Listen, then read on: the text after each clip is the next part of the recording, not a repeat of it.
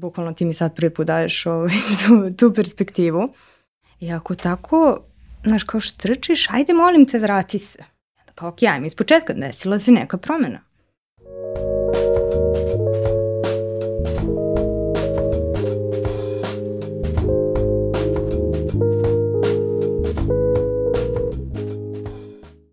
Zdravo, dobrodošli u Fusnota podcast. Ja sam Aleksandra Petrovski i ceo svoj profesionalni život bavim se postavljanjem pitanja, a najviše me zanimaju logika iza razmišljanja i priče iza priča. I tako je nastao ovaj podcast. Mecena Fusnote je zanatski pečena pražioničar kafa koja te vodi u avanturu aroma i jedinstvenog ukusa. Hvalim za podršku, a kako vi možete da pružite podršku kreiranju ovog podcasta, saznete u opisu epizode.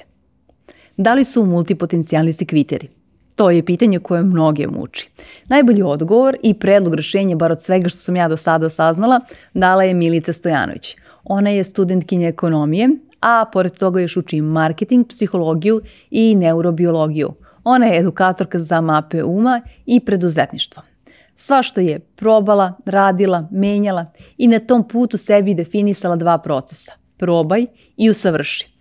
I upravo sam je pozvala da o tome danas pričamo. Milice je zdravo i dobrodošla. Za početak uvijek imam jedno teško pitanje.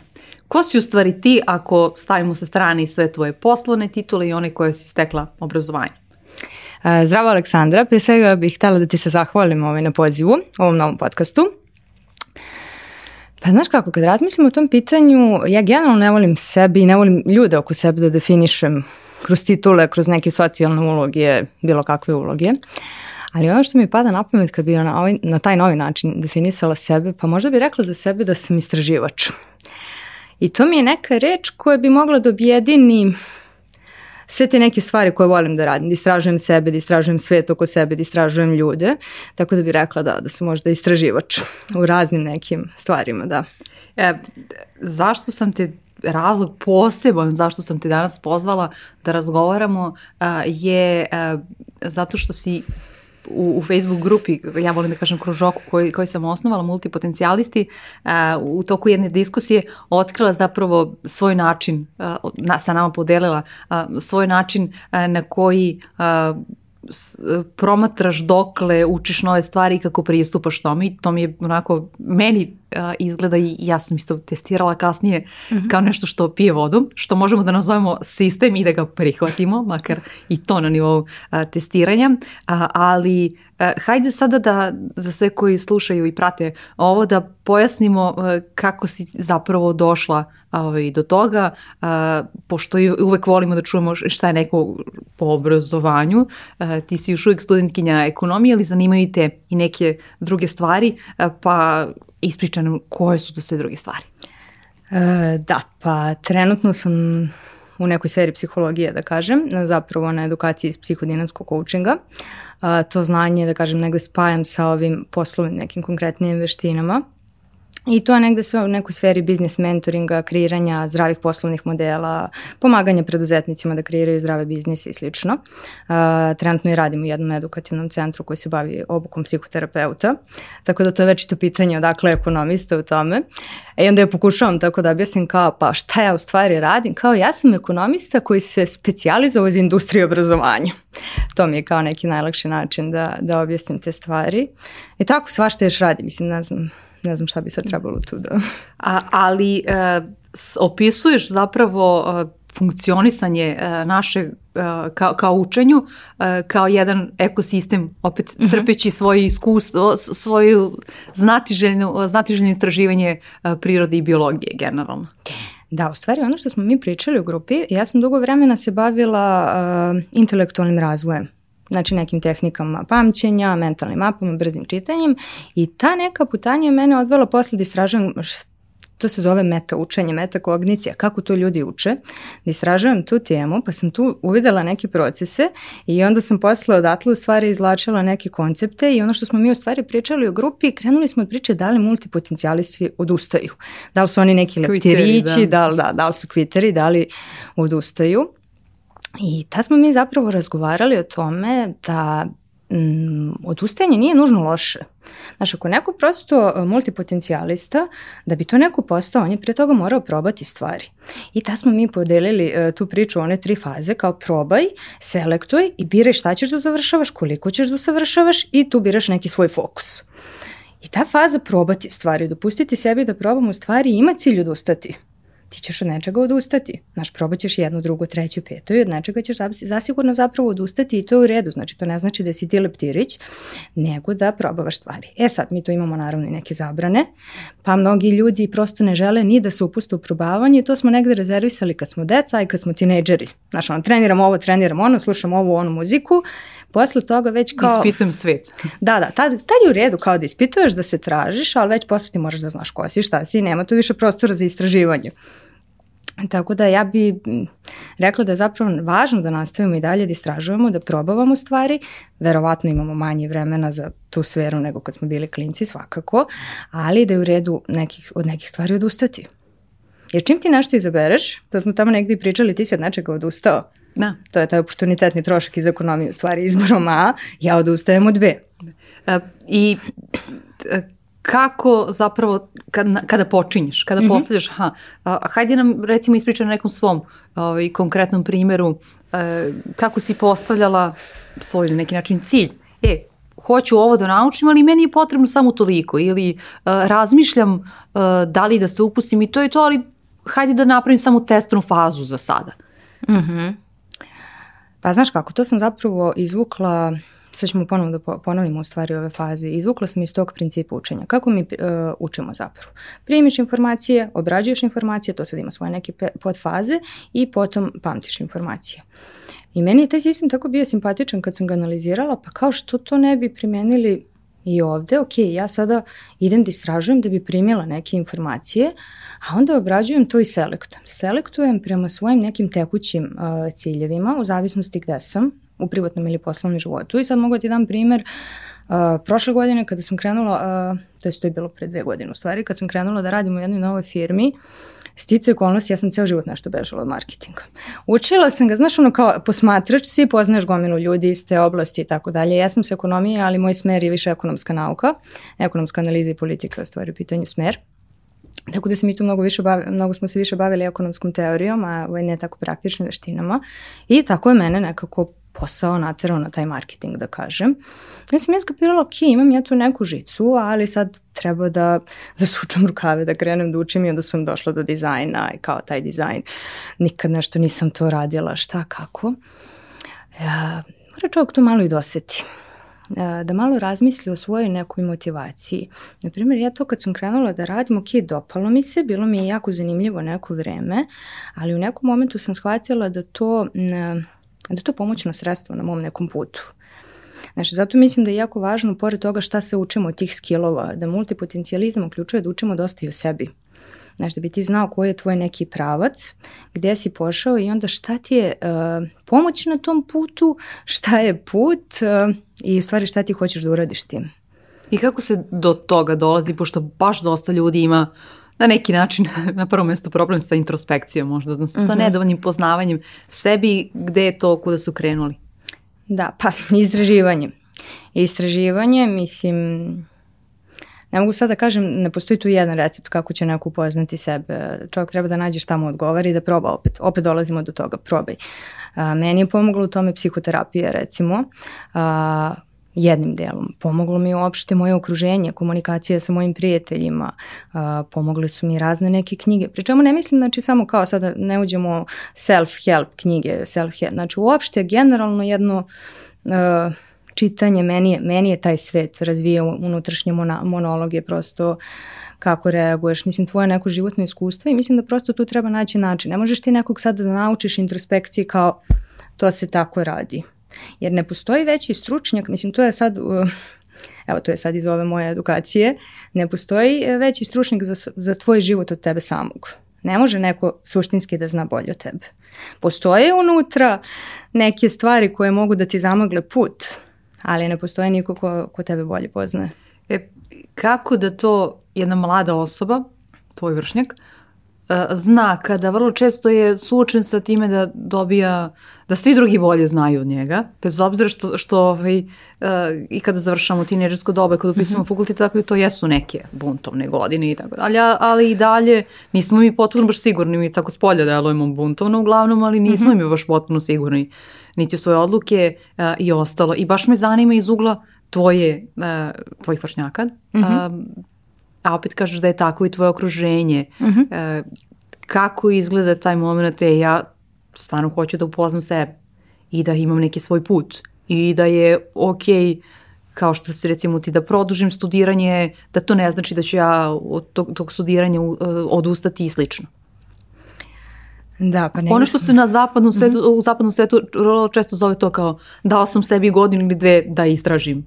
Da, ovaj, kao nešto. gap year, da. da, da, to je kod njih, da, kod nas nema gap year. ovaj, barem redko. Pa iskreno ti kažem, teško je. Uh, mislim, teško. Hvala ti što si mi to ne, ali zaista ovaj, svaki taj proces jeste težak, uh, pogotovo ako po, uvek postoji neki socijalni pritisak. Znaš, sad konkretno, ok, ako pričamo o studijama, uh, znaš, ja jesam kao produžila faks, uh, I to je, ma naravno su neki ljudi oko mene mislili da ću ja da odustanem, meni to nikad nije palo na pamet. Iskreno od momenta, od momenta kad sam ja odlučila da se zaposlim, to je bilo na drugoj godini faksa, mene ni u jednom momentu nije palo da, na pamet da ja kao odustanem od faksa. I ja sam bila s tim u redu, to je bio kao moj plan. To je deo plana, jer um, ja sam za vreme mog studiranja stekla još 3-4 profesije kroz neke druge sertifikate i radila neke druge stvari umeđu vremenu. Otvorila sam svoj posao koji je radio dve i po godine. Kasnije sam izborom odlučila da se prešaltam na nešto drugo i tako dalje. Tako da je meni to bilo smisleno. A, pritisak je postojao svakako naravno, mislim, prvo su tu roditelji koji kao, kad ćeš da završiš, zašto? Pa oni imaju potrebu da ti obezbede tu neku sigurnost. Njima je važno da ti budeš siguran. Znači, onda ti moraš da razumeš i njihovu motivaciju, a da istraš i ovom svom nekom autentičnom pravcu, u nečemu što si izabro i da razumeš koje su to posledice. Društvo naravno da reaguje. Ne samo na, znači ovde konkretno ne pričam samo kao oko izbora posla ili fakulteta, nego tvoje nego okruženje, tvoji prijatelji, ti sad tu izlaziš. Štrčiš. Štrčiš, šta si? Znaš, kako sad ti hoćeš i da radiš i da studiraš. Ja sam i volontirala nekih deseta godina po raznim nekim organizacijama i to mi je zaista jako važno. I dan danas sam ovaj, član nekih organizacija nekih zajednica, mislim, tako smo se mi negde i upoznali, eto, ovaj, prosto volim tu neku priču i ako tako, znaš, kao štrčiš, ajde molim te, vrati se. Znaš, imam jednu anegdotu, ovaj, kad sam bila klinka, i sad imala sam onu fazu, naravno, rock and roll, martinke, crne sjenke i tako dalje. I ovaj, bila je neka izložba u gradu i bio je neki onako svečaniji neki događaj na koji sam ja otišla i naravno sam tu bila kulturnije obučena, ne znam, imala sam štikle i slično. I posle toga sam svratila na to neko mesto gde smo se skupljali, jel, ali nisam došla Martinkama, došla sam ovaj tim štiklama. Onda si tamo štrčala? Jeste, onda kao vidi je kako sad to, šta si ti sad neka fenseruša, vamo se foliraš. Ovaj, I to meni ostalo, kasnije me to dosta pratilo. Znaš, e, društvo nam je malo polarizovano. Gde god, ili, znaš, ili radiš, ili studiraš, ili si rocker, ili, ili si fencer, znači moraš da izabereš, ti moraš da izabereš stranu. Mislim, od osnovne škole je to. Znaš, ili si prirodnjak, ili si društvenjak. Ja sam imala taj problem još u osnovnoj školi, znaš, kao obožavam matematiku i biologiju i srpski jezik i istoriju. Znaš, kao klinga, to su išli neki, to su bili neki moji omiljeni predmeti, odluči se. Znaš, kao, Tako sam ja negdje završila, ja mislim, u ekonomiji. Suštinski, to je bila neka nauka koja meni... Daje imam, širinu, da. Da, pa ima matematiku, ima istoriju, ima filozofiju. Mislim, prosto imala koristi različite psihologiju. Uh, koristi te neke ove različite pristupe i onda sam se kao tu pronašla. Jer naravno sam se spremala za šest fakulteta. da li se imala pojma. Da. Ja sam to rešila tako što uh, sam htjela da upišem opštu gimnaziju. Jer isto kao da dobro mi išla matematika, a s druge strane uh, nekako sam sebe videla više u društvenim mhm. naukama i onda kao dobro, našla sam to solomonsko rešenje kao opšta gimnazija. Na kraju nisam otišla u opštu gimnaziju, otišla sam klasično ovaj, društveni smer, ali da, vrlo često ovaj, da se vratimo sada na ovaj deo, ljudi imaju taj potrebu da te ubace u neki boks, jer one te onda lakše shvati, razmišljaju o tome kao da, da znaju tvoje sledeće korake. Ha, negde smo te ubacili i onda ja imam neke pretpostavke o tome kako ćeš ti dalje imati odnos sa mnom ili slično, što zapravo nije dobro. Pa nije dobro, ali opet negdje treba to razumeti. Mislim, ljudi, uh, ljudima je teško da tolerišu neizvesnost. Znaš, zaista i svi mi na neki način pravimo neke konstrukte u spoljnom svetu ljudima da bismo dobili tu neku našu sigurnost. Znaš, i to je sad, možemo se vratimo na početak, kako bi ti sebe definisao bez titula. Mislim, i te titule i te neke socijalne uloge, daj mi neku definiciju da se ja za nešto uhvatim, da, me, da nam bude lakše. To je suštinski, mislim, mislim da je to neki suštinski razlog zašto radimo te stvari. Zašto ljudi to rade. I ne mislim naravno da je dobro i da je ljudima ovaj, koji izlaze iz tih okvira jako teško u stvari da se s tim izbore.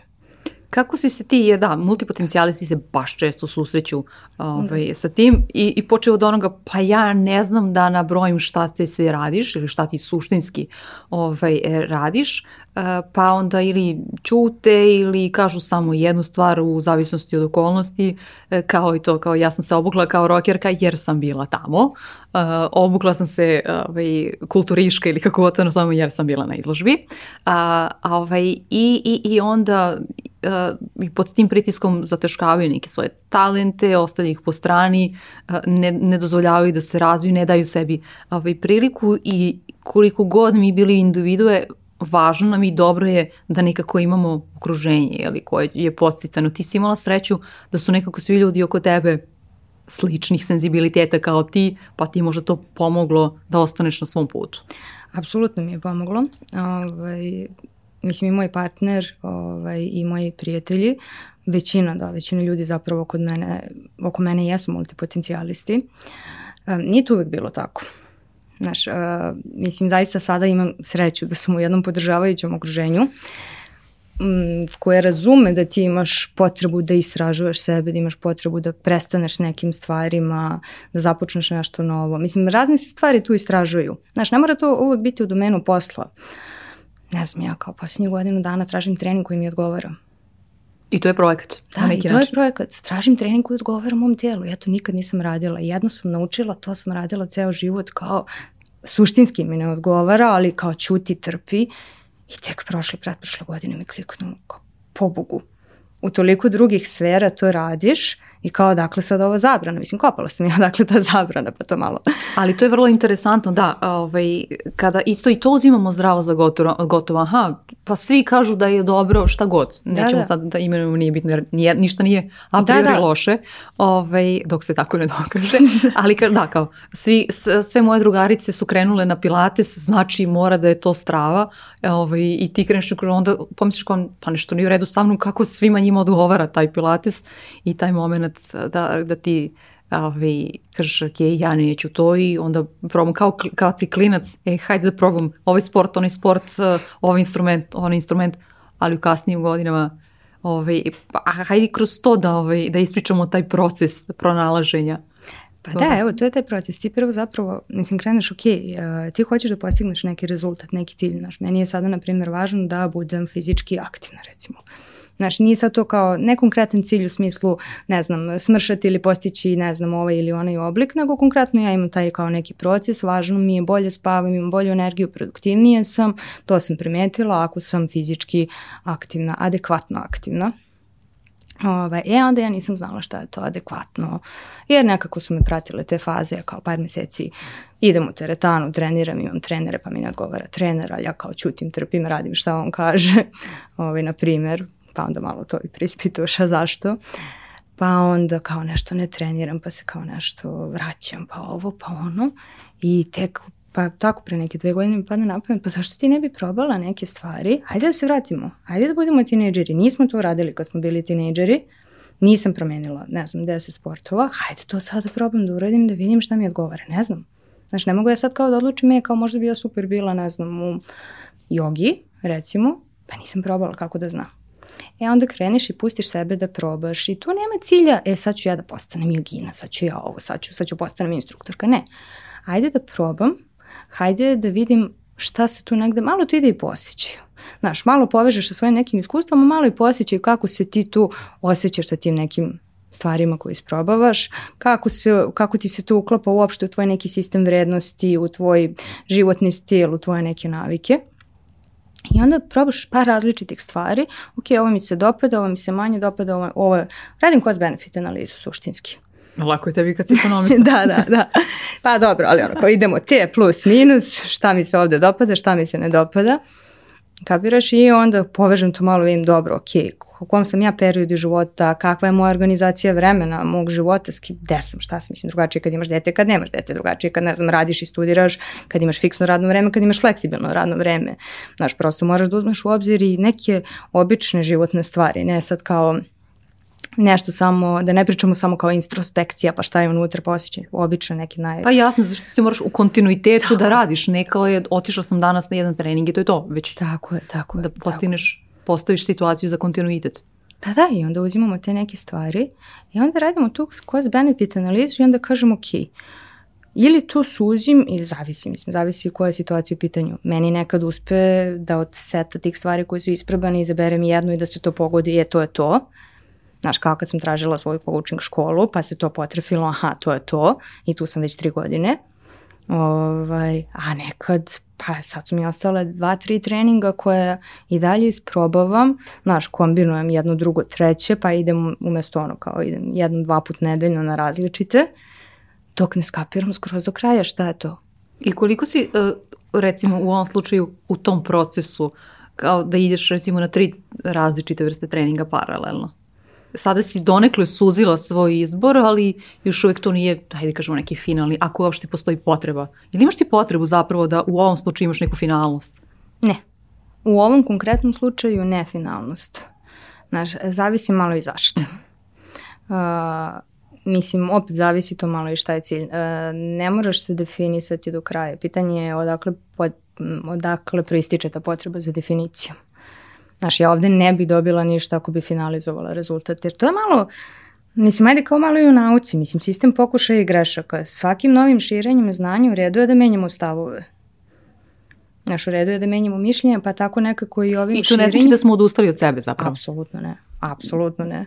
Mislim, iskreno ja nikad nisam odustala od sebe. Jer mnogi ljudi po, poistovećuju te stvari, kao, aha, ako sam uh, napustio fakultet, napustio određenu profesiju, napustio određeni posao, ovaj, ja sam neki način, ajde, ajde posao ne, ali ove dve stvari, ja sam neki način potrošio neko vreme i odustao od sebe. Mm -hmm. što, što ne znači, i to ih nekako sprečava, ovaj, moj utisak i razgovor sa drugim ljudima, to ih nekako sprečava da naprave neki sledeći korak. Mm -hmm. Mislim, imala sam i ja recimo te nedomice, razmišljanja. Da li sam bacila neke, neko vreme, energiju koju sam investirala u nešto. Dobro, to je, mislim, jedan normalni razvojni put. Mislim, mislim da nam se svima to nekad desilo. Desilo se to i meni, mislim, više puta u životu. Ovaj, mm, mislim da je to važno neko unutrašnje uporište. U tim nekim situacijama da ti nekako iznutra imaš svoje neko uporište, da ti znaš gde si ti krenuo i taj put, e, da se razumemo, taj put ne mora da ima jasno kao tačno znam šta hoću, ne, mislim, ti ni od života ne možeš u nekim godinama tačno da znaš šta hoćeš, ja iskreno ne znam. Ni u sad, poznim godinama, ne znam. Nemam pojma sad, iskreno, znaš, ja imam sad neku ideju, kao gde sam ja pošla, mogu ja sa tebi da kažem, je, znaš, kao tu sam ovo, ono. Ja u poslednje vreme postavljam ciljeve za tri meseca, toliko mi je nekako život postao dosta dinamičniji, čak i za godinu dana, ne znam, stvarno ne znam da vidim sebe za godinu dana. Znaš, ono kao pitanja, kao da, da se vidite za pet godina. Pojma, zato što ja ne znam ko će biti zaista za 3-4 meseca. Mislim, to isto možemo povežemo s multipotencijalistima, ovaj, znam sad malo da širim temu, vratit ću se na odgovor. Mm, ti kada učiš, ti konstantno menjaš svoju svest, svoju percepciju, mislim, učenje izaziva neke promene kod nas, to je suštinski ono što mi životinje možemo da radimo, da integrišemo iskustvo to je posledica neka učenja i da ga kasnije ponovo reprodukujemo, primenimo i slično, ti se menjaš. Znaš, ako bismo ti ja vodila ove razgovore za, ne znam, šest meseci, ovaj razgovor bi bio drugačiji nego što će da bude, što je danas u stvari. Jer nismo isti ni mini voda u koju kora, zakoračimo. Da. Tako je. E sad, opet, kad smo se vratili, mislim, evo, na primjer, kad si me pitala na početku ko si, opet to jesu neke stvari koje su malo statičnije. Znaš, mi imamo neki naš sistem vrednosti i onda pronađeš to neko svoje uporište, pa bez obzira na tu neku neizvesnost koja se dešava napolju oko tebe, socijalno, mislim, u tom nekom tvom okruženju, držiš se tog uporišta, trudiš se da se držiš neka toga i to je prispitivanje, to su razgovori. Mislim, naravno da ti se desi kao, da sam bacila svoje silno vreme i energiju u ovo, vidi više se ne bavim time. Meni je za neke stvari uh, trebalo dve, tri godine da naučim lekcije. Evo, ja sam, Ali to nije mnogo, čak ni dve, tri godine. Nekada se, ti se desi da posle deset godina Jest. shvatiš, je, ono sam zato učila ili vidi, ono sad mogu da primenim u ovome što radim. Pa da, i neka tvoja, mislim, e, zavisi koliko ti vremena treba da se to akumulira. Uh, ne znam, ja sam, na primjer, ne znam, mislim da sam imala 23-4 godine, e, tad sam pokrenula svoj prvi posao sa nula dinara, sa nula podrške, to je bio tako jedan, mislim, meni je to Entuzijastično, strava da. projekat, znaš. Sad, iskreno, sad kad razmišljam, rekao, bože me sačuva, pa ja sad ne bi mogla to, mislim, pritom to je bilo pre 4 godine, 5. Znaš, nije to sad kao neka razlika pre 20 godina, sad ja pričam kao da sam, znaš, nego, ali bukvalno i sad kad se osvrnem, tek sada, jer to je bilo te dve i po godine onako jako, jako blesave, svašta se tu meni dešavalo, tek sad ja integrišem te promene, šta se tu u stvari dešavalo, akumuliram to znanje uh, u, noki, u, mislim, evo, trenutno i u firmi u kojoj radim i ove neke projekte koje imam sa strane svoje i tako dalje, ne, tek sad na naplatu dolazi ta zrelost iz tog iskustva koje se steklo. Znaš, ja tada nisam znala kakve se meni promene dešavaju u mozgu, u percepciji, šta ja tu učim o poslu. I onda posle toga, ok, vrtim film. Dosta sam ja tu vrtela film, šta se izdešavalo, analizirala razne neke događaje, situacije, razmišljanja, razmišljala kako je tu uticalo na mene, kako je uticalo na razvoj moje ličnosti i odakle meni, jer, znaš, počela mi se dešava u par navrata u poslu kao, odakle mi samopouzdanje za ovo? Vidim da ga imam, osjećam ga da je iskreno, ne osjećam ga sada da je neko lažno samopouzdanje, prosto jedna sigurnost u neku, neku odluku. Onda sam počela da razmišljam odakle mi je ovo. Kad sam počela razmišljam, došla sam u stvari do tog nekog perioda koji je bio jako neizvesan. Mislim, ti si klinka, pokreneš svoj biznis, ima ovde svačega, ima malo onoga kao gde ćeš ti žensko, pa sama, pa ovo, pa ono, mislim, bilo bilo je toga. I ovaj, e, ne mogu da kažem, to me tad svesno osnažilo, ili mi je dalo neku vrlo vrednu lekciju ili uticalo na moje samopouzdanje ili tako nešto, ali evo kasnije par godina sada se u stvari vrši retrospekcija svega toga, strukturiraju se Nisi svesno u tom trenutku išla sa tim ciljem na umu, ali je, to si ispostavila kao, kao dobra lekcija. A, ali šta u tom trenutku dok se to dešava, to, sad je kao naknadna pamet na neki način i kao da. posložila si vraćajući se unazad, ali u tom trenutku dok se to dešava i malo pre smo povezali, hoću da povežemo to sa tim momentom neizvesnosti, mi danas živimo u svetu koji je potpuno neizvestan i to je jedino izvesno da je neizvesno. A, I kako sada da ti kažeš, a, ovaj, aha, ok, ja, kada, kada si u tom momentu, ja idem kroz ovo, ne znam tačno kuda me vodi, ali treba da ono, ostanem uh, hrabra, hrabra, ovaj, uh, da imam nekakvo ono, samopouzdanje da tu svoju nameru dovedem do, do nekog kraja ili da izguram, uh, a, ovaj, a s druge strane i da ne, ne, da ne odustanem od sebe kako izgleda taj proces dok se to dešava. Jer to je ono što sve brine kao ovaj, nakredna pamet je kao super. Da, ali- da, kao učimo iz da. istorije, da, to je okej, kao... Pa, Kako da. se da teško, taj uzdah mi kaže da je mnogo. Ali da, Da. taj, taj moment na nas kao sve kao ovaj, e, brine, plaši i, i teško nam je u tom trenutku. Mm, Da. Pa svima nam je teško. Mislim, ne može taj proces da bude lak i nije, a, znaš, nije hrabrost da ti ne osjećaš strah. Mislim, čisto da ne živimo u nekoj zabludi. A, to u stvari više da se ti suočiš sa Znaš tim. kako da se nosi. Da. Da se upoznaš. Da se upoznaš sa svim delovima sebe, sa svim svojim strahovima, ali i željama i ciljevima, da upoznaš te stvari i kad ti postanu bliske, kad ti sam sebi postaneš bliži, mislim da to dolazi ona situacija, to volim kažem, uh, kladim se na sebe. Znaš, smem da se kladim na sebe. Uh, počneš da nekako, mislim počneš, radiš na tome da veruješ u, u sebi, nije to konstanta. Znaš, mislim, moje samopouzdanje i moja vera u sebe ima ono, ups and downs i svašta se tu dešava. Ali bitno je šta je ono srednja, ovaj, srednja vrednost na kraju nekog perioda, je li Da, tako? Da. to kad, znaš, dobiješ to neko uporište, to opet se vraćam na tu priču. To je to u stvari uporište koje tebe vraća na tu srednju vrednost. Znaš, dešava se da ti izletiš i gore, dešava se da odeš i dole i da, mislim, prošle godine šta se sve izdešavalo, naravno, to je jedna velika neizvesnost, mislim, koja se, koja se zadesila, kao šta se dešava prošle ili pretprošle u stvari, kad je Pa počelo od korona? 20 je tako da je Da, da, pretprošle, da. da, da, da, da. Izgubili smo taj pojam više o vremenu, šta, koliko traje i koliko da. Jeste, jeste, da. To je jedna stvar koja je meni baš uticala, bukvalno E, Da. a, a hajde sada, isto mi je jedan moment zanimljiv. Uh, ti kao mlada osoba imaš svoj biznis, uh, završavaš sa njim i onda se odlučiš da radiš za nekog drugog. Aha. To nije toliko česta pojava i obično okolina to gleda, aj vidi ga, on sada nije uspeo, otprilike luzer. Aha, ovaj, aha. Vratio se na nečije tuđe jasno, obično se tako komentariše, a nekada i ti kao sebe preispituješ, kao, čekaj, kao, ja sam sad imala nešto svoje, kako god, da se to završilo i sad ja treba, znaš, kao da li malo pokunjene glavi, kao ideš, tako se nekako spolje doživljava, a ne mora, tako da, i to nije nužno da odiš da, ovaj, da završiš sa svojim biznisom i da odiš da radiš negde drugde, nije nužno loše. Da, vidiš, ja nisam razmišljala Niti je degradacija, da. Uopšte nisam razmišljala o tome na taj način, ali uopšte. Kako da ne razmišljamo na taj da, način? A, da, sad ću da ti u stvari objasnim. Ja imam tu neku svoju, znam šta hoću da radim. Znaš, to nije definisano kao profesijom, ali ono što mene strašno uzbuđuje to je taj spoj. Ja volim zaista biznis, zaista ga volim uopšte kao tu temu. Znaš, kao, kako to neko može voliti? Meni to ekstremno, preduzetništvo konkretno, ekstremno mi je uzbudljivo, obožavam da učim o tome, mislim i da radim i ovaj, sve to.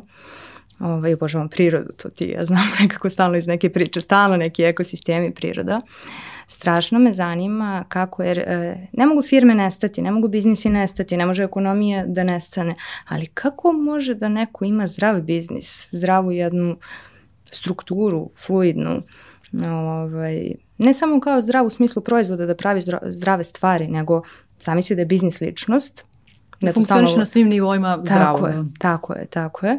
I to je u stvari, znači to je nešto čime ja volim i želim da se bavim i radim to s ovim kapacitetima koje sad imam, znanjima koje sad imam, ne znam, verovatno će to sutra biti u nekom drugom obliku i konstantno, znaš, svi ti proizvodi, ok, ja sam predavala, ne znam, intelektualne veštine, ok, radila sam na tome, ali to su u stvari neke vrednosti koje ja prenosim kroz to što radim, znaš, kao radimo s učenjima, ali opet sam najviše voljela da radim, ovaj, nisam ja toliko radila s učenicima, znači više sa odraslima, sa preduzetnicima, kako da oni u stvari lakše, brže uče zbog svojih poslova i tako dalje. Pa onda, ovaj, ne, i to je to što sam u stvari radila taj neki period.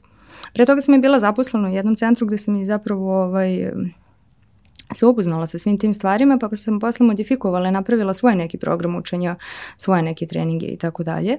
I to je to što sam radila samostalno.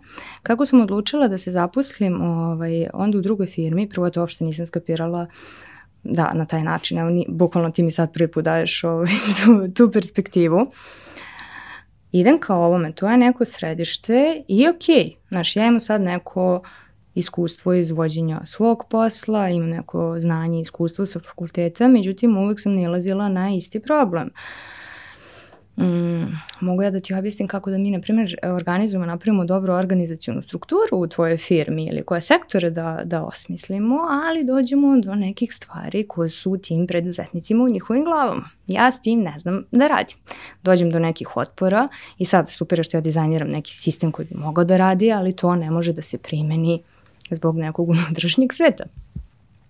I onda sam shvatila da mi treba još znanja iz neke druge oblasti. Jer to je, mislim, to, kad pričamo o multipotencijalizmu, ovaj, možemo da pričamo o tome da li je neko multipotencijalista horizontalno ili vertikalno. Mislim, meni je to otprilike neka ideja. Znaš, e, možemo da kažemo, ok, neko ima više hobija, pa radi različite stvari, a neko može da se usmeri na neki problem pa iz različitih pristupa da rešava taj problem, da ide u multipotencijalizam po vertikali, znaš, neko bi rekao on je jako fokusiran, ali u stvari koristi to različite zove, sredstva. E, te, te model specializacije. Tako je. Ovi, tako je. Po, svetski mislioci kao koji promišljaju tu temu kažu, ha, ovaj, ti si recimo specijalnost je ekonomija, ali ovaj, imaš znanje iz različitih drugih oblasti i implementiraš u svoju osnovnu svoju osnovnu delatnost to, na neki način. Da, ma da evo iskreno sad nešto da ti kažem, ovaj, znaš, kažeš tvoja specijalnost je ekonomija, mislim, taj fakultet traje četiri godine, ne ni ova isto edukacija toliko isto traje. Da, uh, i to je paralelno još jedna, da. Tako je, ova iz psihodinamskog coachinga, nešto je, mislim, opet kao, mm, isto sam završavala isto neke duže stvari i onda ne bi ja to smela ni da kažem dalje nešto glavno. Iskreno. Znaš, Ali to je opredeljenje, možemo li to tako da, da, da, da na neki način kažemo? Pa... Kako ti to u svoj glavi definišeš? Pa ne definiš. Ne, najiskrenije ovaj, ne definišem.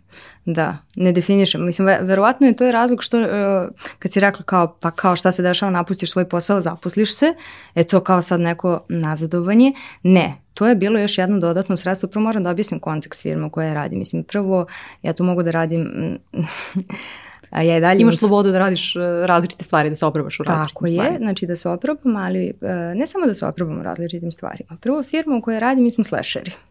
Jel te, svako od nas ima više funkcija, ove, što meni jako odgovara, ja to zaista volim. I tražila sam tip male firme, znači da se to nisu pogodili svi ti uslovi, naravno da se to ne bi desilo. Druga stvar, mislim, zaista verujem u proizvodi, zaista želim ove, da se to dešava i meni to jako važno kad sam u nekoj firmi. Okruženje, okruženje i poštovanje, autonomije u smislu, znaš, ja ne moram tu da krijem da imam svoje neke privatne inicijative. Mislim, bez obzira što ja radim tu, da, fleksibilno radno vreme definitivno, to mi je jako bitno da mogu da upravljam, ovaj, da imam slobodu da upravljam vremenom, ovaj, ali i to poštovanje autonomije.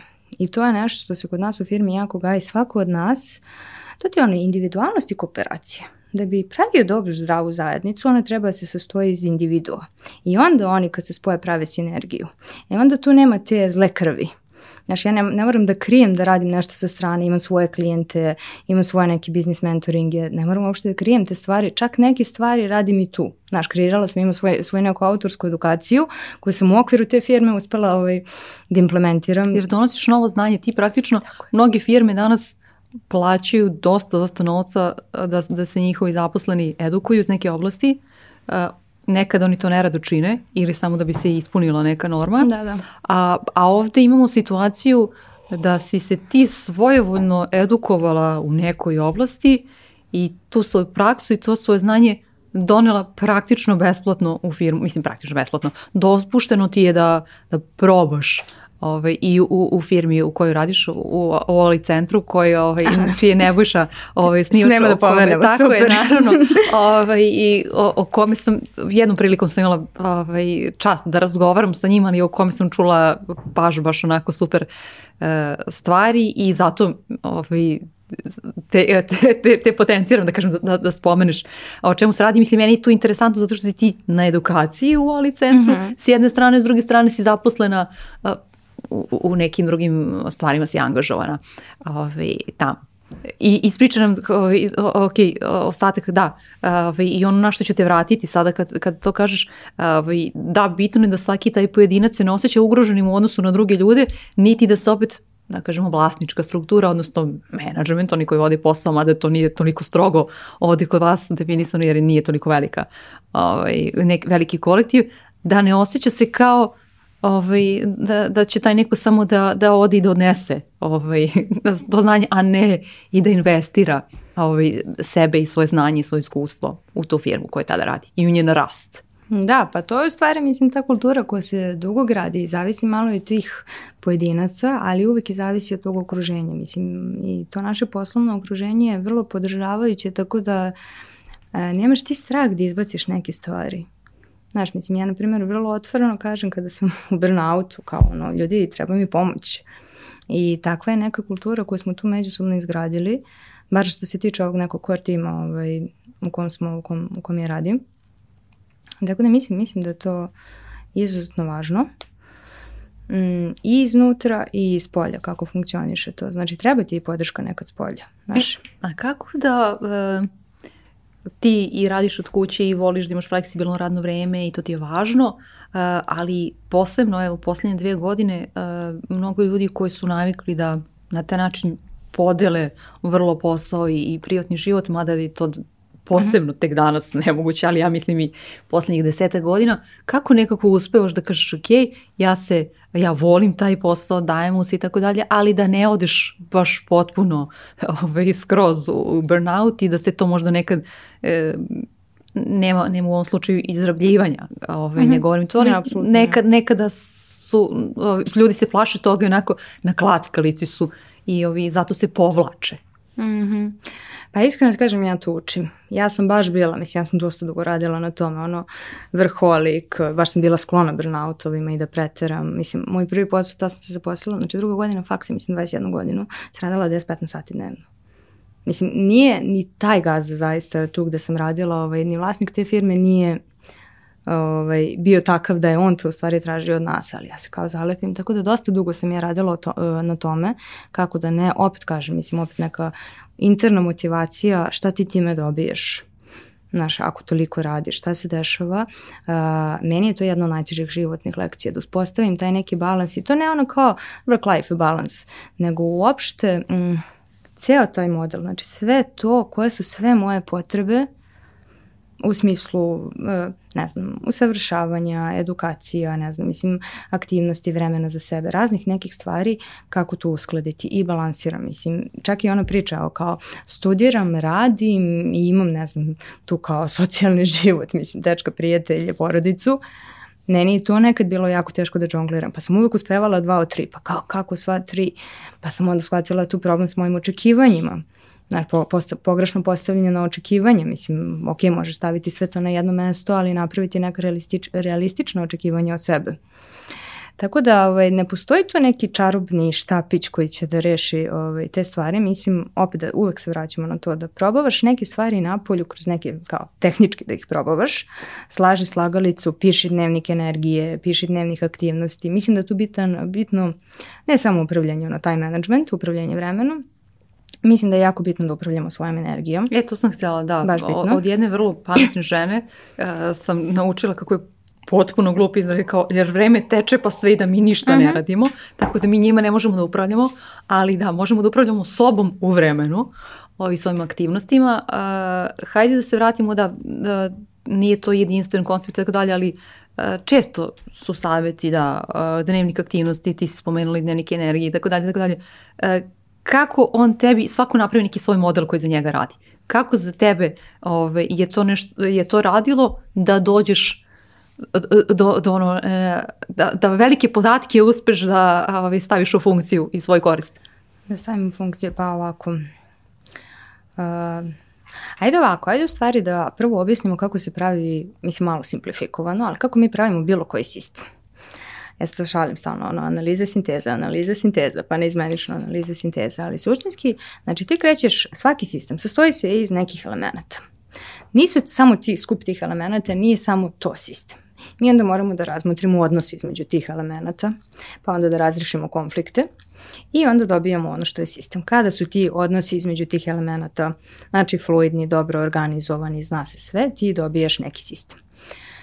Da li se ti baviš firmom, pa analiziraš sve elemente koje čine tu firmu, pa sektore, pa razrešavamo konflikte, ono standard naš marketing i financije i tako dalje, to su već tu sukobljeni ovaj sektori. Ovaj, ili se baviš čovekom, znaš, pa onda on ima neke svoje unutrašnje konflikte, pa to zovemo psihodinamika i slično. Um, uvek je, znači, poenta imamo elemente, odnose i to nam je neki, neki sistem. E sad kad mi pideš kako sam ovaj, ja to uspela, znači opet analiziram, skupljam elemente. Prvo sam analizirala, I, uh, on... Šta si sve uzela u obzir kada si analizirala? Šta sve radim, aktivnosti, uh, multitasking, da, to je jedna tema koju treba da se dotaknemo, ove, ovaj, jako bitno, to, to ono što si rekla na početku, to mi je super, kao multipotencijalizam jednako multitasking, nije jednako. Uh, Znaš šta, kreneš prvo, ne moraš da uzmeš, znači ne moraš ništa menj, da po kategorijama u stvari definišeš. Kreneš da popisuješ šta je to što ti sve radiš sve kao šta ti sve treba.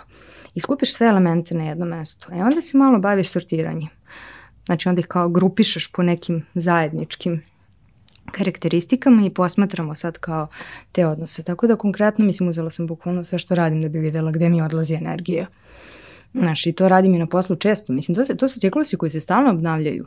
Znaš, nije to kao jednom ti dizajniraš sistem, pa ja stalno upadam u haos. Znaš, ja kao sredila sam posao. I onda kažeš, čekaj, čekaj, ajde se vratim da vidim. tako je, tako je. Znaš, automatizuješ neke stvari, uh, središ nešto, kreće da bude fluidno, ali dođe neko novo smeće. Mislim, ja stalno zazam, volim, najviše volim da pravim te sisteme. Znači, kako dolazi to smeće, ti gledaš da ga svrstaš. Mislim, to nije to smeće, to su samo nesvrstane stvari. Tako i životu. Mislim, kako se menjaju stvari, tebi dolaze neke nove aktivnosti, novi ljudi, nove obaveze. Znaš, mislim, nemam pojma, kad se počela živim s dečkom, sam dobila gomilu novih obaveza, sad jednom svuda moramo da idemo zajedno. mislim kao moramo. Ovaj, ali mislim tako neke kao nove stvari, dupla familija, dupli događaj, kao šta će sad s ovim? Znaš kao ne, ne, ne znam. I onda kao ok, ajme iz početka desila se neka promena. Znaš, pa sam se preselila, mislim, dva, tri puta sam se kao nešto selila. To je neka promena, moram da dovedem to u neki svoj dnev, mislim, u bioritam u dnevni život.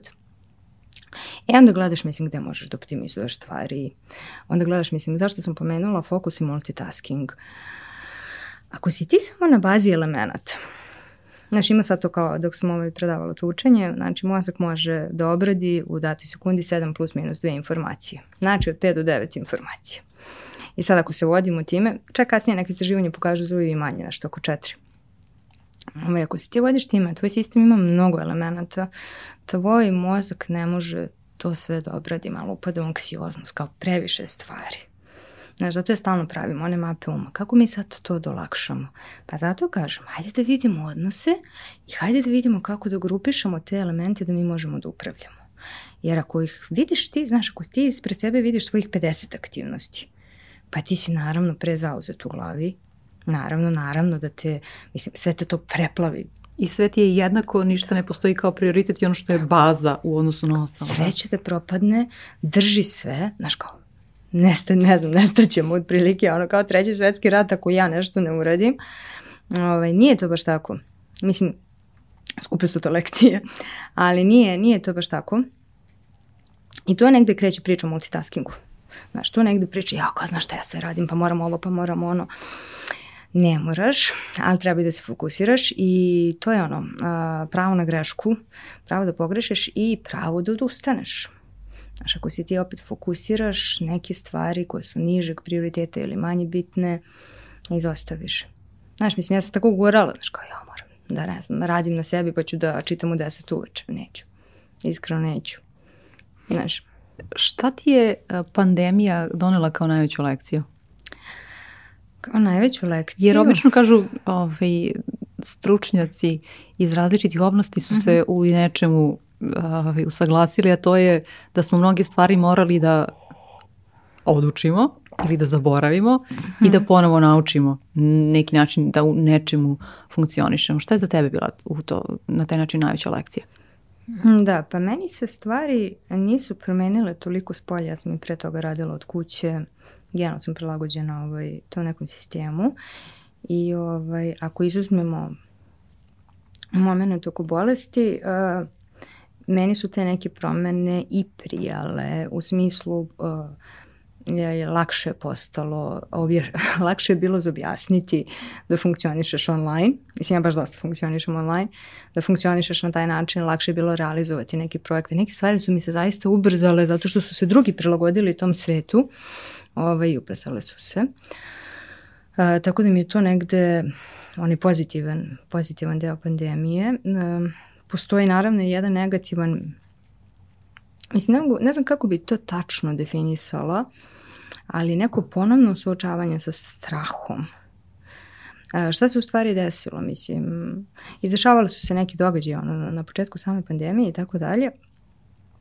Ovo neki zdravstveni problemi u porodici, ja sam se tu mm, jako uplašila. Niko nije imao koronu, ali nije dobio adekvatnu zdravstvenu negu i tako dalje. Domino efekat. I taj strah koji je tu kao krenuo, baš taj domino efekat, u stvari se nastavi meni da se prenosi kasnije i na posao i na neke druge stvari i onda sam morala kao e, vratit se, šta se dešava, ajmo opet u to naše uporište da vidimo šta se unutra desilo. Znaš kako, zamisliš to kao malo neku laboratoriju, puno nekih bočica sa raznim nekim strahovima su se porazbijale i kao, ok, ajmo unutra ono, u laboratoriju da čistimo, da vidimo šta se dešava.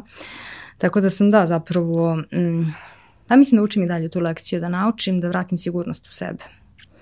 Znaš, počela sam da prebacujem sigurnost napolju kao Da se hvatiš za nešto s polja, da. Da se hvatim za nešto s polja, I, da. I to, I to je vrlo često ovaj, strah za naš život, za egzistenciju, pa čak i strah za našu svrhu ovaj, je postala nešto što je uh, izraženo u uh. -huh. poslednje dve godine. Uh, kako ti stojiš sa tim delom?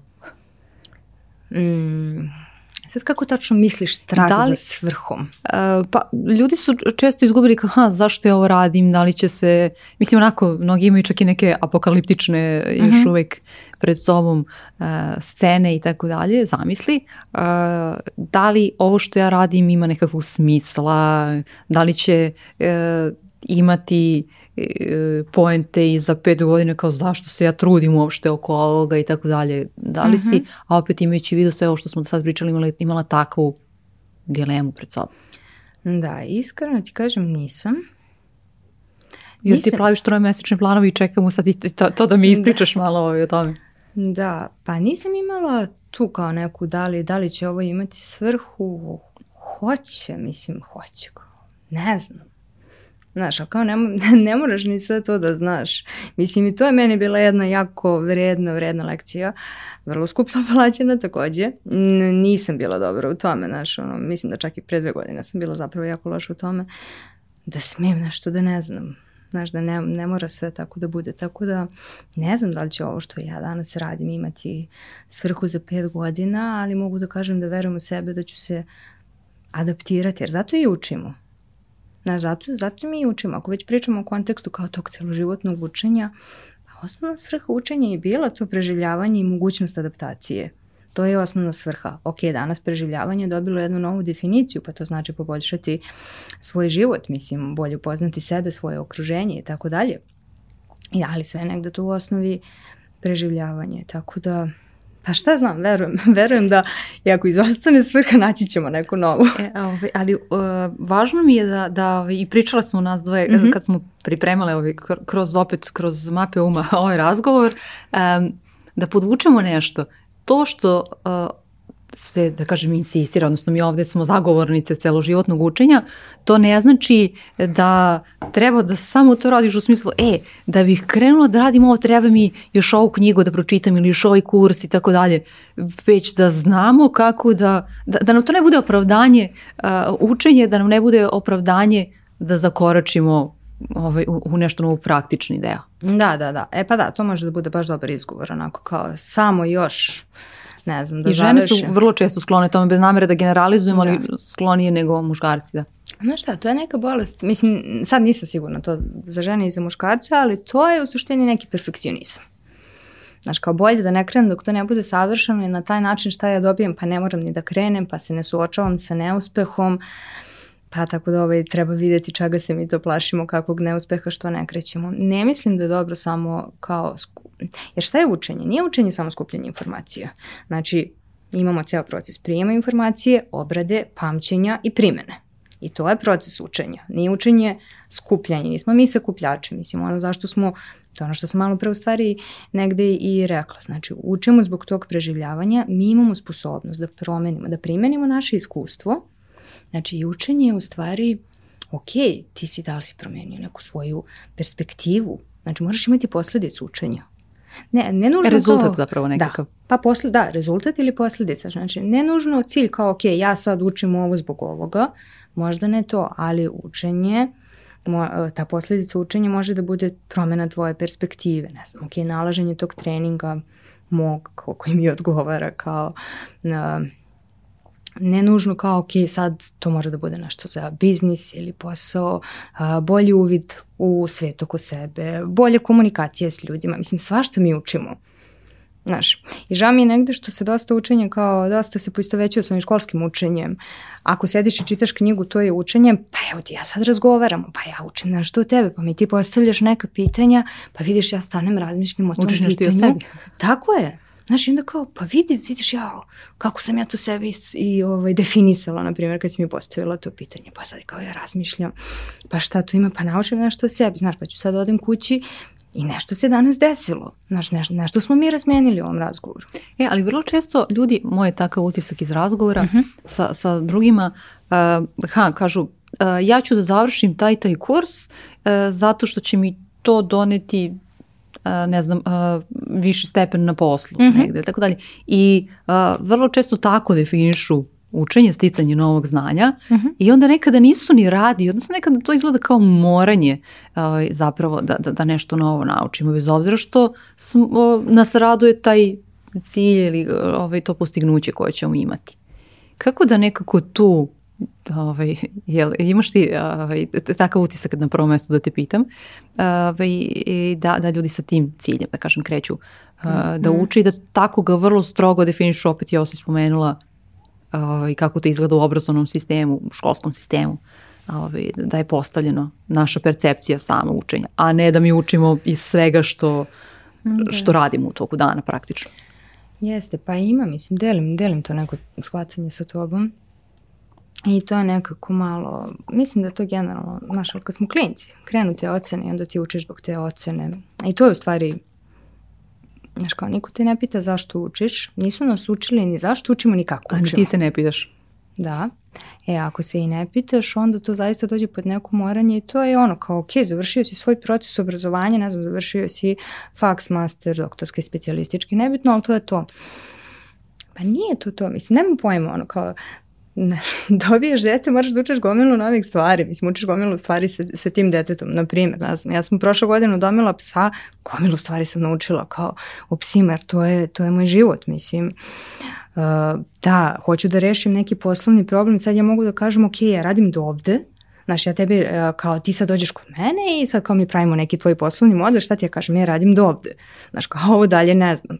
Znaš, u stvari mogu da naučim te neke stvari Svrha, mislim da ta svrha učenja, da ne treba da bude zaista to jurenje šargarepica, e, ali čovjek i treba da zavoli da uči. Znaš, i to je neka ljubav koja se, koja se razvija i odnos sa učenjem se razvija. Znaš, i mislim da što više učiš ti je lakše.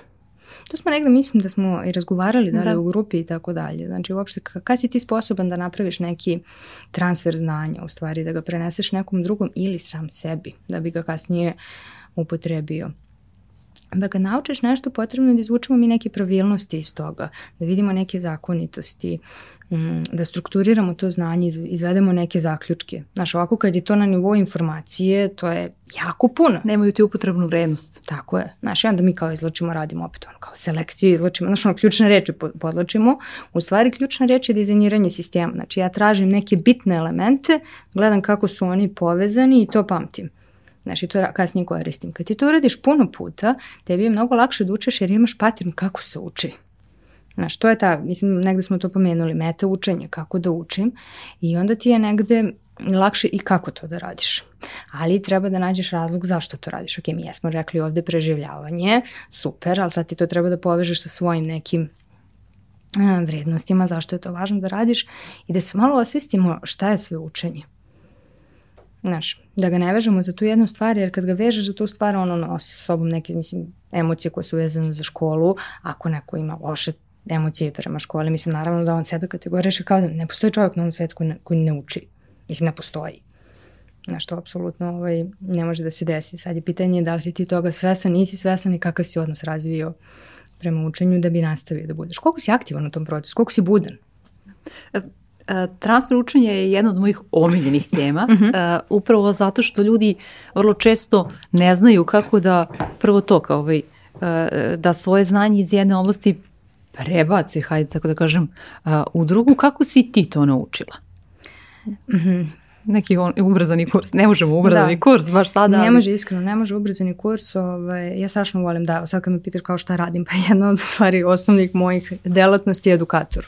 Ja obožavam da, da predajem, ali ne u formalnom sistemu, isključivo ovo neformalno obrazovanje. I ti imaš eto neke loše asocijacije, malo pre da. smo pričali. Ne, samo što prosto nisam tu ovaj, pronašla. Mislim, ja nisam zagovornik ono samo kao jedno ili drugo. Ja sam zagovornik za da se ti obrazuješ, a ti nađe kanale. Formalno, neformalno, kombinacija mislim svako, svako bira svoj put i to mi je sve u redu. Nema ono kao za ili protiv faksa i to.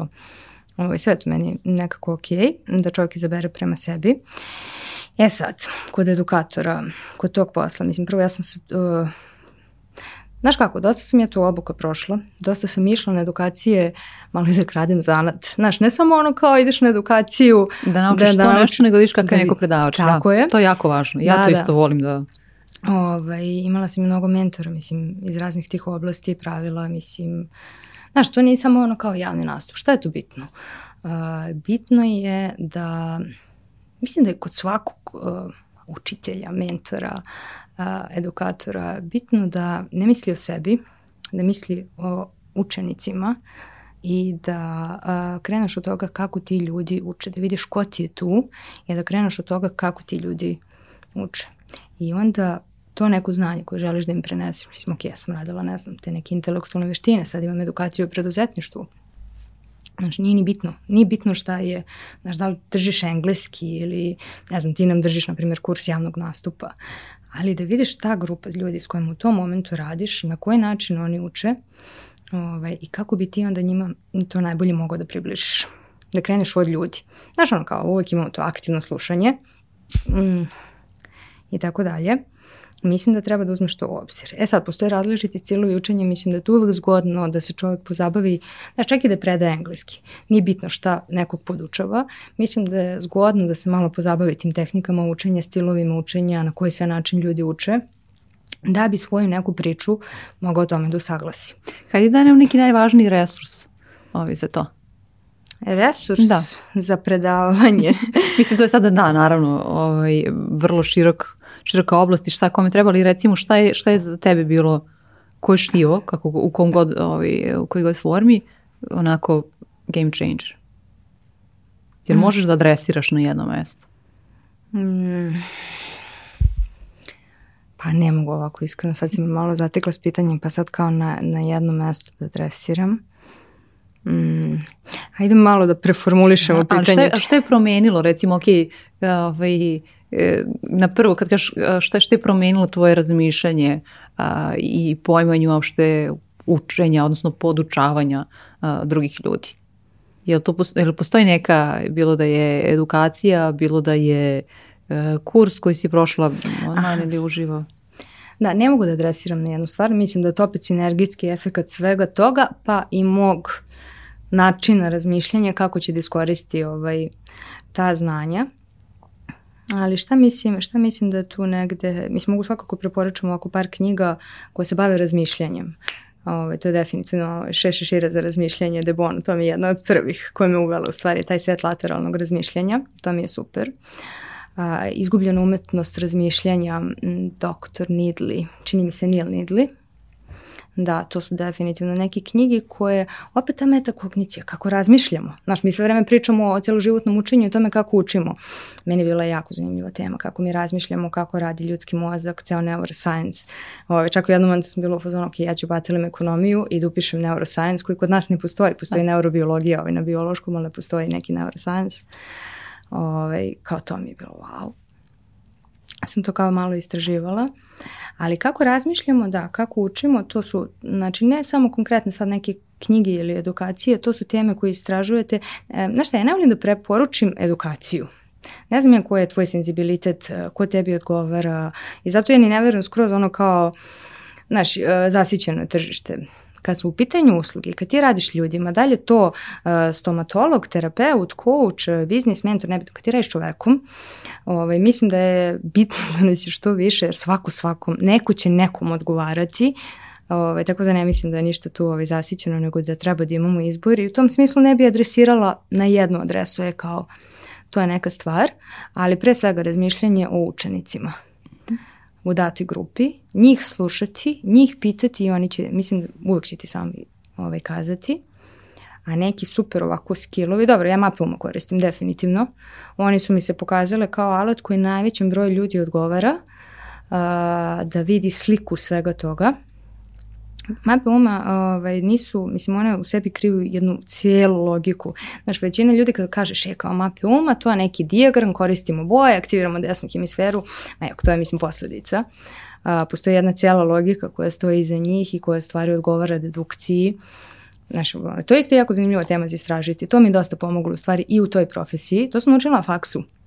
A, imali smo nešto da si spomenula da si naučila na faksu. U, mnogo što toga. kažu ljudi kao sve što sam naučila na faksu. Ma kakvi, mnogo batalim, toga. Da. Imala sam smer, imala sam predmet metodije ekonomske analize, divnu profesorku Slavicu Manić. Ovaj, I tu smo mi radili u stvari kako zaključujemo i ušli smo malo u naučnu metodiku i tako dalje.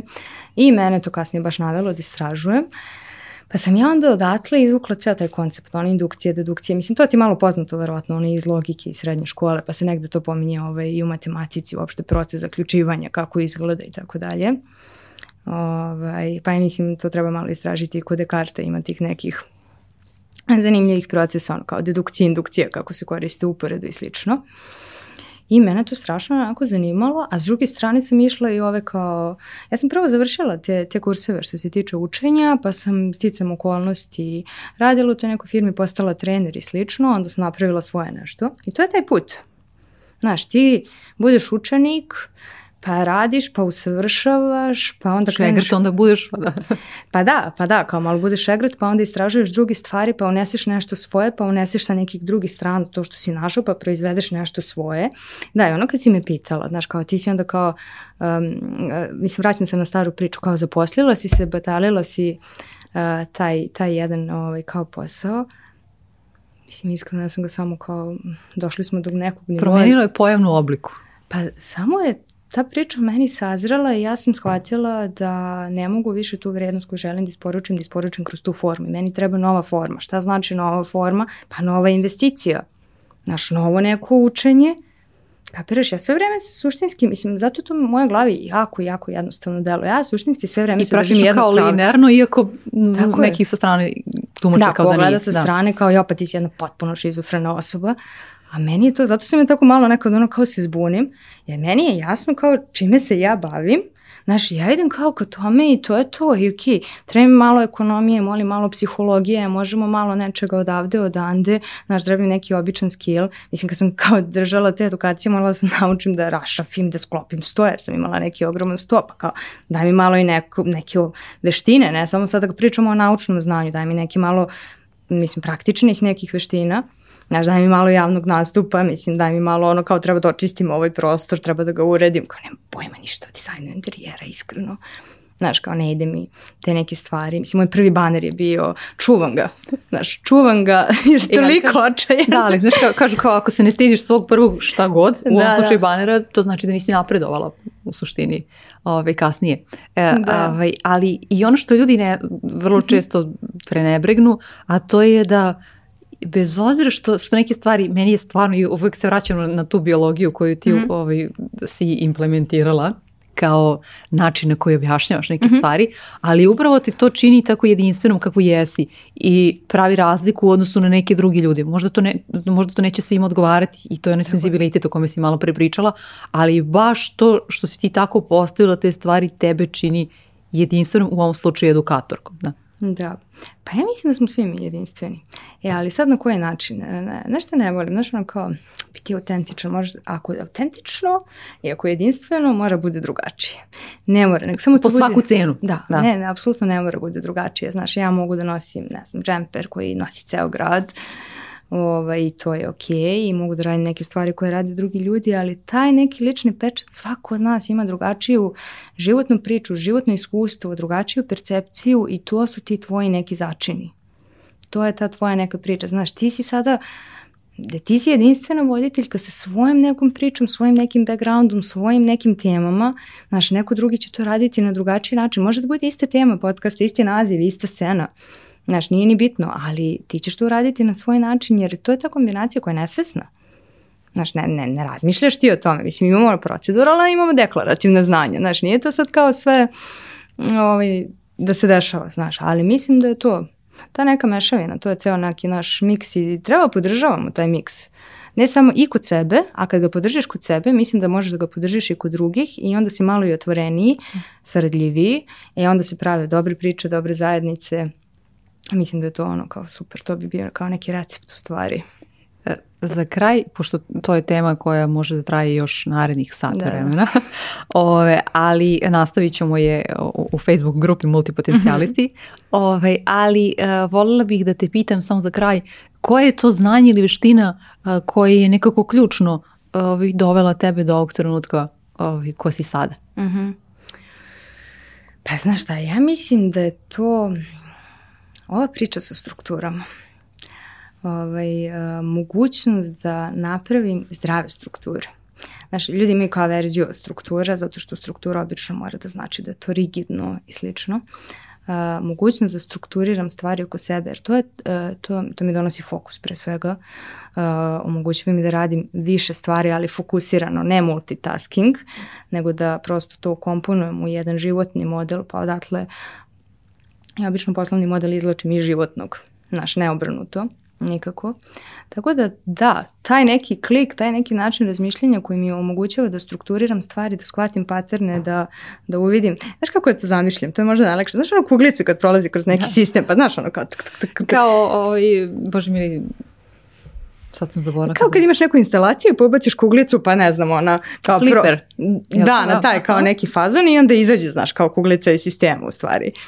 Ovaj, pa taj, e, to je u stvari, eto zovem svoja super moć, znaš, daj mi kakav god hoćeš haos, ali kao mogu to da poslužim na neki zdrave osnovi, da sredim.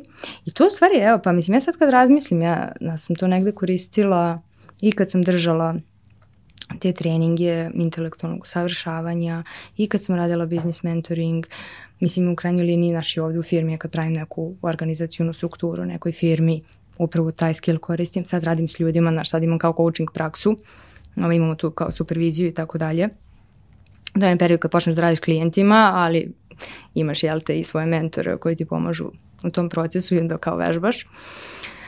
Ovaj, tu koristim taj sistem, znaš, kao razmišljam kako je sad ovaj čovek, kako mu je postavljen sistem, kako možemo napravimo bolju, zdraviju strukturu na koju on može da realizuje te svoje potencijale i ciljeve i tako dalje. Tako da, da, dedukcija i struktura, to, to su mi.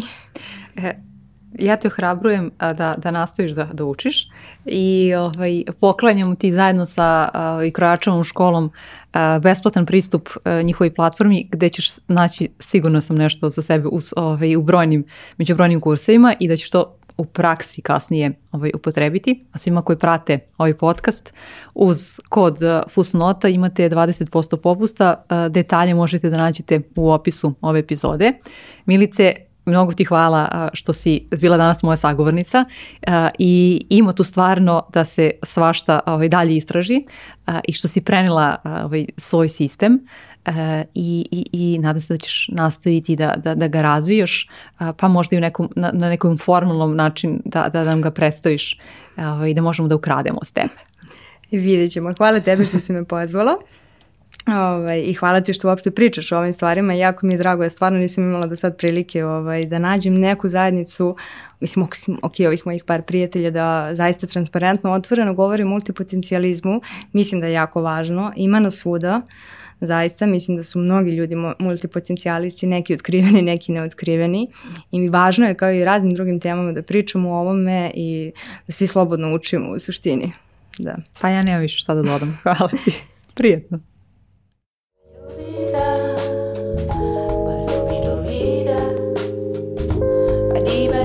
Yeah.